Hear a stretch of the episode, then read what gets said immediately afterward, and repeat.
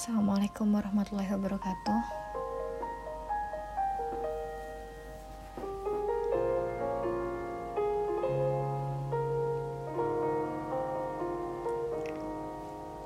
To the dearest myself,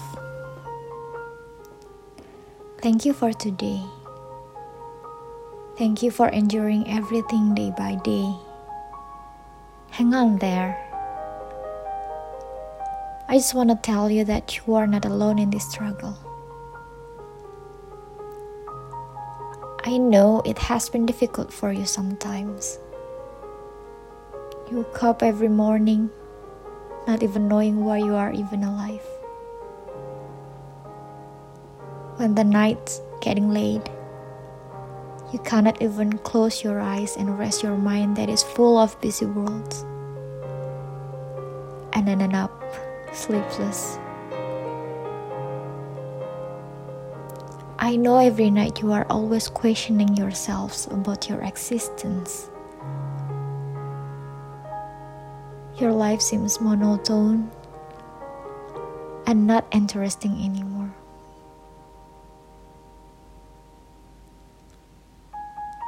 I know that you really want to run backwards as fast as you can, but you ended up forcing yourself to go forward. Sometimes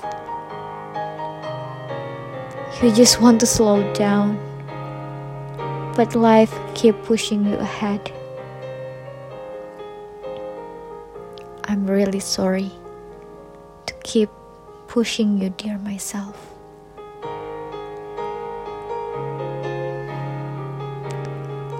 Like other humans, I always look for something great and big.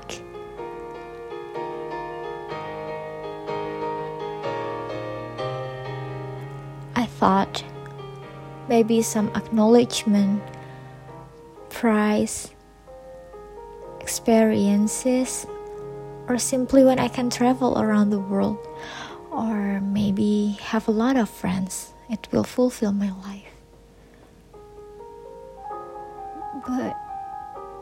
Never feel enough. It feels empty.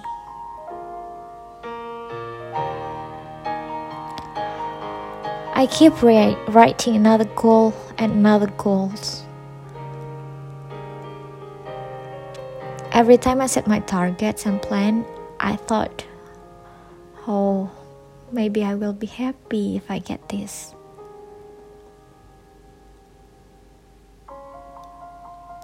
Or maybe that.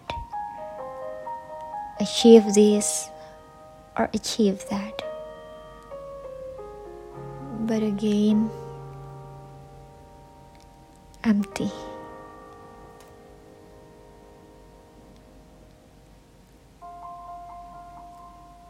I tick my bucket list one by one. And then I set another target, another target, and another one until I realize I only see new targets and another plan afterwards. I realize. So it's just only wow or Alhamdulillah. So this is the way it feels. After that, nothing special. Again, empty. To the dearest me. Life is not only ticking off a bunch of listings to do. I'm trying to recall my memory, and I remember really well how passionate I am that day. How desperately I asked Allah to get a scholarship and study abroad.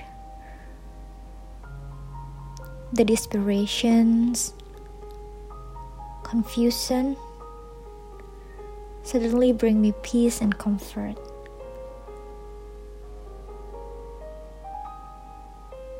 Faith and the despair make me rely only on my creators.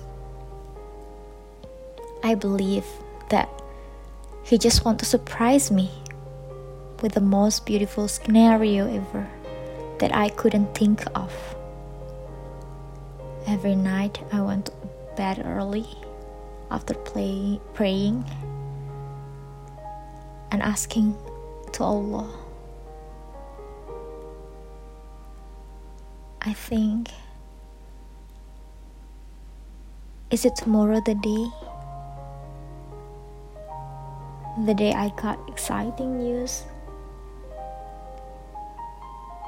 Strangely, it gave me strength to wake up earlier to meet Allah in Fajr prayer.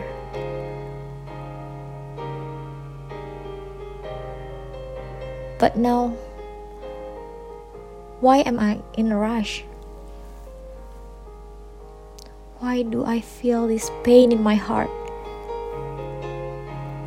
Alone in this pastel of the world being left while I'm surrounded by many friends. Abundant in sustenance, completing all the goals I want. But yet I feel lonely and empty.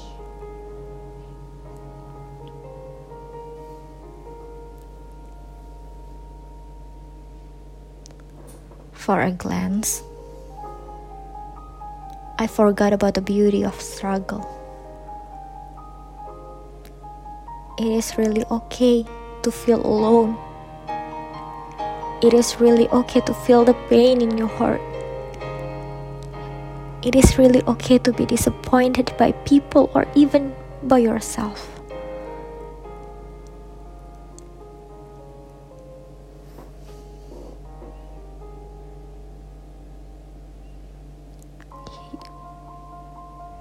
You just need time only for you and your creator without anyone else nor everything else. Only you and Allah.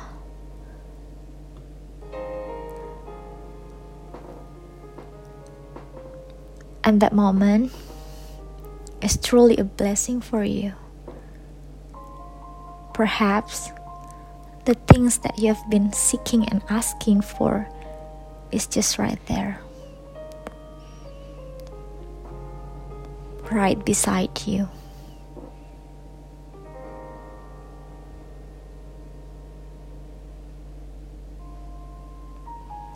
So, when things get hard, please open this letter to you. Remember that Allah never leave you. And Allah is enough for you. So you can slow down and enjoy every moment you have. Enjoy each learning step for you to grow and bloom.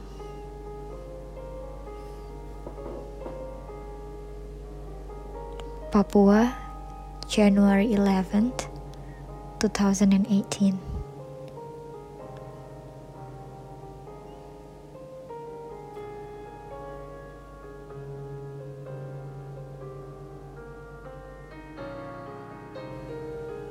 Semua orang wajar mengalami emptiness, sendiri, ditinggal, kecewa.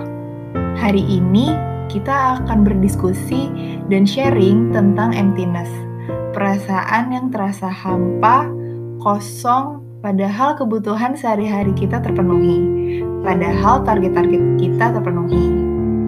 Kalau dari pengalamanku itu, emptiness aku rasakan ketika aku mengalami lockdown di Milan. Dan aku dalam fase mengerjakan tesis. Basic needs aku terpenuhi, dosen juga responsif kalau ditanya-tanya. Justru malah banyak hal yang bisa dilakukan karena sebenarnya aku tuh di rumah terus. Akhirnya aku berusaha menyibukkan diri dengan bermacam-macam hal. Bikin kue, masak-masak, ikut kelas-kelas online, video call sama teman, dan berusaha fokus sama tesis. Mau beribadah juga nyaman kan, karena posisinya juga di rumah aja tapi tetap aja rasanya hampa gitu. Kukira aku sudah produktif dengan mencoba hal baru, tapi rasanya hampa juga. Uh, akhirnya aku coba konsul ke salah satu mahasiswa psikologi gitu, dan dia bilang bahwa mungkin aku kurang menghayati dalam tiap kegiatan yang kulakukan. Kayak semuanya tuh dilakukan agar aku tuh sibuk, aku tuh produktif, tapi tidak menghayati prosesnya. Dan aku tersentak sih, karena yang dia bilang tuh ya ada benernya. Aku tiap hari melakukan plan A, plan B, plan C, terus begitu. Tapi nggak benar-benar dihayati ketika melakukan proses-proses tersebut. Hmm, teman psikologiku pun bilang, padahal nggak apa-apa kok satu hari itu satu plan aja, nggak usah dirapel gitu. Asalkan kita menikmatinya, ya itu akan membuat kita tuh benar-benar hidup dan menghayati apa yang sebenarnya kita lakukan.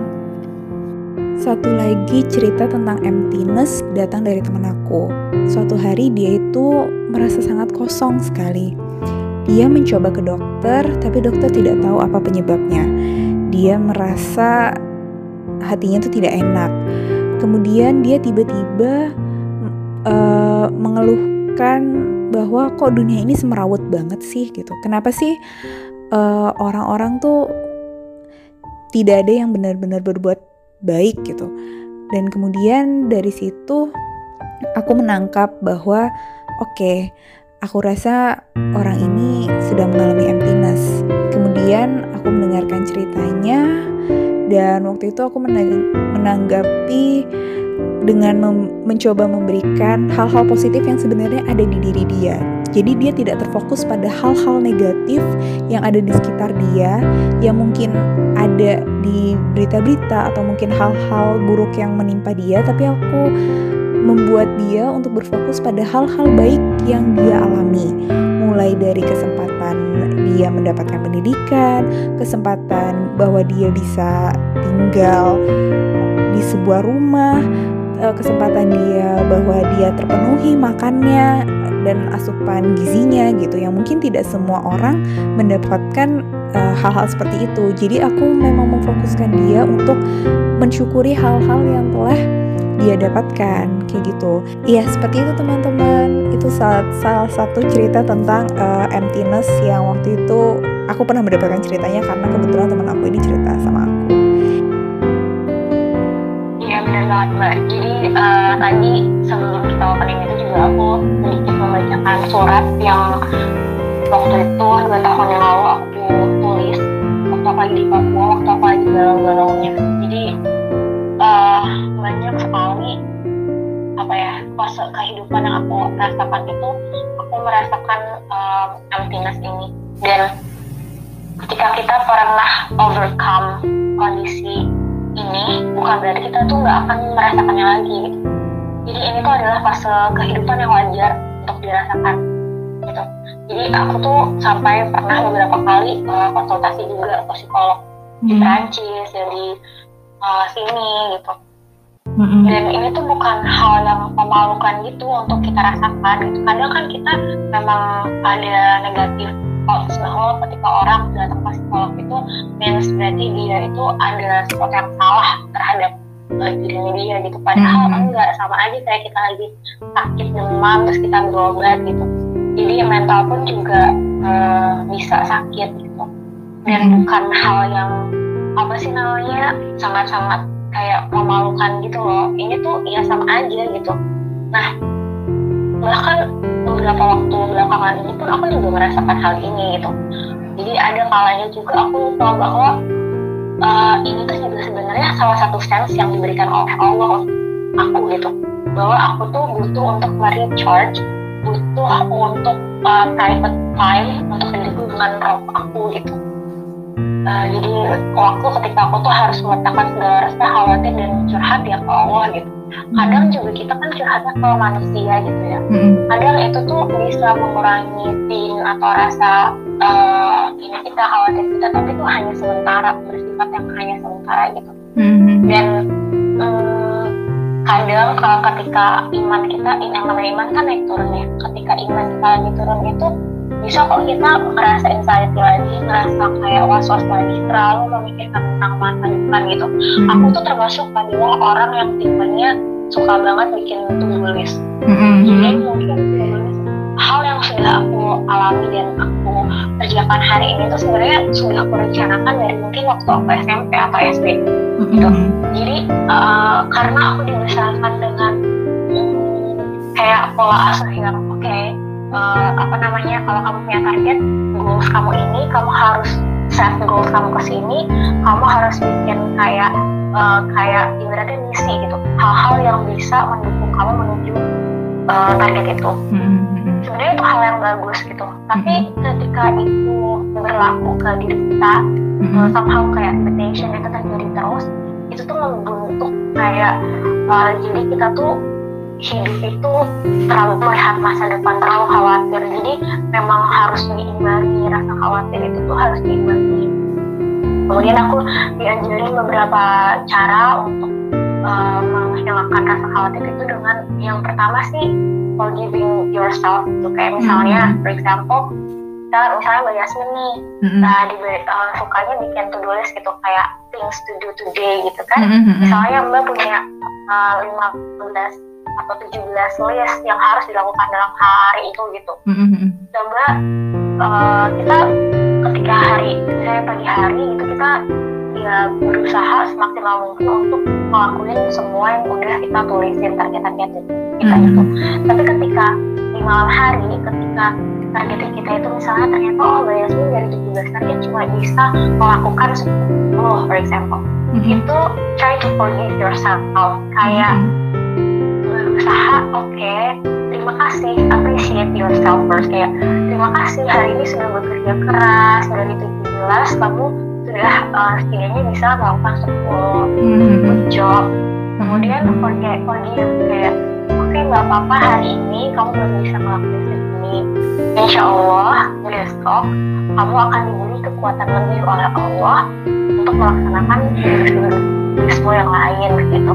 Jadi ternyata eh, seperti itu kayak komunikasi terhadap diri sendiri kayak gitu eh, dengan cara ya Allah terima kasih telah hari ini udah memampukan untuk melaksanakan target-target saya. Saya memaafkan diri saya karena kemampuan saya hari ini hanya sampai di sini. Izinkan saya untuk menyelesaikan urusan-urusan saya besok hari. Nah insya Allah itu akan memberikan energi tersendiri pada kita eh, untuk esok hari gitu. Dan jangan lupa eh, aku ingat banget waktu dulu eh, Mbak Yasmin pernah mm, ngasih aku satu buku Mm-mm. tentang lapis-lapis keberkahan Oh iya. Ha. tanya siapa tuh Mbak Saling Oh, ingat. mengafilah. Nah, ya, jadi di buku itu pernah dibahas bahwa eh apa ya, eh, definisi dari waktu yang berkah. Kayak kita punya sama-sama punya waktu 24 jam di dunia ini gitu kan. Mm-mm. Tapi sesimpel kayak eh, dari waktu yang sama itu bisa berkah sama enggak itu berbeda. Jadi kayak misalnya aku eh, mungkin kapabilitas aku ngerjain sesuatu A, tugas A ini hari Mm-mm. ini tuh eh, misalnya ngabisin waktu 6 jam gitu. Tapi karena misalnya Mbak Yasmin berdoa semoga diberikan keberkahan dalam waktu, Mm-mm. itu sama Allah tuh dipermudah bisa dikerjakan dalam waktu yang lebih singkat. Jadi hal-hal yang kayak gitu ternyata Mm-mm. emang penting dilakukan gitu. Mm-mm. Jadi ya itu nggak usah mustar kayak gitu Mm-mm. Dan ini hal yang wajar buat dirasain sama semua. Eh, maksudnya ya manusia gitu, Mm-mm. manusiawi. Tapi mbak, betul betul Eh, iya pung Eh, aku setuju Setu- eh, banyak hal yang aku setuju dari dari hal tersebut termasuk juga aku aku tadinya tuh juga termasuk mungkin orang yang berpikir bahwa eh, ih ngapain ke psikolog emangnya emangnya emangnya kenapa gitu? Emangnya salah apa? Emangnya sakit apa gitu? Tapi enggak aku kemudian eh, apa mendapat pandangan bahwa orang ke psikolog tuh tidak harus nunggu karena dia sakit atau dia kenapa gitu. Enggak gitu kan. Karena eh, dan belum tentu juga karena dia sakit kemudian baru ke psikolog itu enggak gitu. Karena as simple as mental kita juga butuh yang namanya berkonsultasi sebagai salah satu media atau eh, bentuk apa ya meditasi dengan ngobrol sama orang dan ngobrol sama pakarnya gitu. Itu aku setuju banget. Jadi aku ma- makin ke sini tuh makin berpikir bahwa oh iya eh, yang namanya ke psikolog tuh perlu kok dan I've stopped judging people sih gitu. Terus yang tentang uh, ini apa appreciate yourself for every milestone ya. Itu bener banget aku kayak aku baca di postingannya Nadira Arini kalau nggak salah itu. Di uh, beliau cukup ter, cukup ini terkenal di Instagram itu beliau beberapa kali mengupas tentang hal itu dan aku setuju sih. Kayak bahkan apa ya ibaratnya kalau misalnya dulu kita pernah berlari seperti kuda kemudian sekarang berjalan seperti kura-kura ya even one step is a progress gitu kan. Jadi appreciate yourself gitu uh, kemarin kebetulan aku habis dengerin um, sebuah kayak ceramah atau atau podcastnya Yasmin mau Mugahid ya. Mm-hmm. Nah, uh, itu tuh tentang apa ya namanya sebenarnya oh oh ya bagaimana to stay apa keep ourselves staying positive in the negative world mm-hmm. gitu jadi ternyata uh, nggak uh, cuma gak cuman apa ya namanya gak cuma dari dalam diri juga gitu.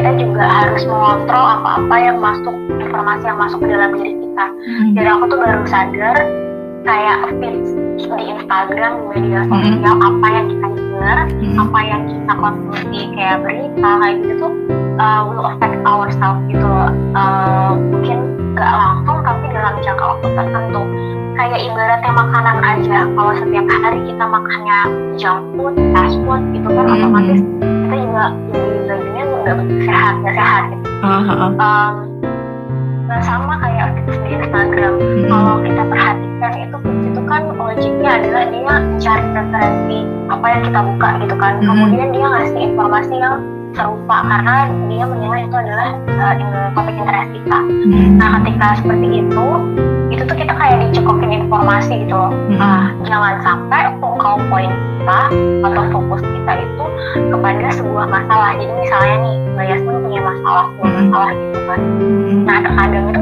kita sebagai manusia tuh terlalu fokus sama masalah kita hmm. tanpa kita tuh fokus ke hal yang lain. Nah uh, dengan hal yang seperti itu tuh dengan terus menerus itu justru akan um, bikin kita tuh semakin down kayak gitu jadi waktu itu dia mencontohkan kisahnya Nabi Musa alaihissalam mm -hmm. waktu itu uh, lagi jadi eh Nabi apa ya ya kayaknya sih Nabi Musa jadi uh, dia tuh lagi di, di laut merah uh -huh. kemudian dikejar oleh dikejar oleh tentara uh -huh. nah di belakangnya uh, kemudian kan kaum Nabi Musa tuh uh, Bani Israel ini malah dia fokusnya adalah kepada si tentara itu jadi mm-hmm. uh, bahkan dia bilang kayak ah ya udah kita udah kita kita bingung kayak kita terbodohi gitu. Kita kita terjebak kita kita udah dikepung kita nggak bisa ngapa-ngapain gitu. Terus katanya uh, Nabi Musa tidak gitu kan. Mm-hmm. uh, kemudian dibilang Allah itu bersamaku dan Allah akan show me the way. Gitu kan? Mm-hmm. nah jadi di situ kita melihat uh, dua hal yang berbeda. Nabi Musa alaihissalam itu fokusnya focal pointnya itu bukan kepada si tentara bukan kepada laut merah mm-hmm. tapi uh, focal pointnya kepada Allah kepada Robnya karena dia percaya dia punya faith bahwa uh, Allah itu bakal memberikan jalan keluar sedangkan Bani Israel kaumnya mm-hmm. itu justru kaumnya tuh ada di masalah itu mm-hmm. nah dari situ tuh banget kalau misalnya kita punya sebuah masalah itu kadang kita being consumed mm-hmm. by the problem itself jadi kita udah drain out udah nggak bisa punya daya untuk nyelesain uh, masalah itu mm-hmm. dan aku nggak mau nafik aku juga kadang sebagai manusia masih seperti itu gitu masih hmm. kadang melihat masalah itu ya masalahnya itu yang harus kita belajar untuk uh, kayak rely on Allah hmm. Nggak yang aku lupa kayaknya uh, 99 cahaya di langit Eropa yang anak kecilnya itu ya si Aisyah. Itu dia bilang hai masalah besar aku punya Tuhan yang lebih besar. So aku oh, yeah. jelek banget. Jelek banget itu. Kalau kalau pikir yang kayak gitu sih yang kadang kita lupa kadang kita terlalu uh, kadang diajak kalau apa ya namanya platform-platform gitu apalagi Hmm. sekarang lagi lockdown gitu Iya. Uh, kita tuh kayak being consumed by mereka bukan kita lagi konsumennya gitu Iya, iya. bener. aku ngerasa kayak gitu sih Mm-mm. jadi uh, apa ya mungkin kita di sini uh, nggak bisa kita nggak terlalu berkapasitas besar untuk cerita tentang emptiness ini karena kita memang nggak ada background psikolog Mm-mm. tapi uh, kalau teman-teman ngerasa kita yang di luar gitu. Uh, ngerasanya kayaknya enak ya uh, dia bisa jalan-jalan please itu hal yang kalian lihat dari sosial media. Sebenarnya nggak semudah itu dan struggle yang kita rasakan juga banyak.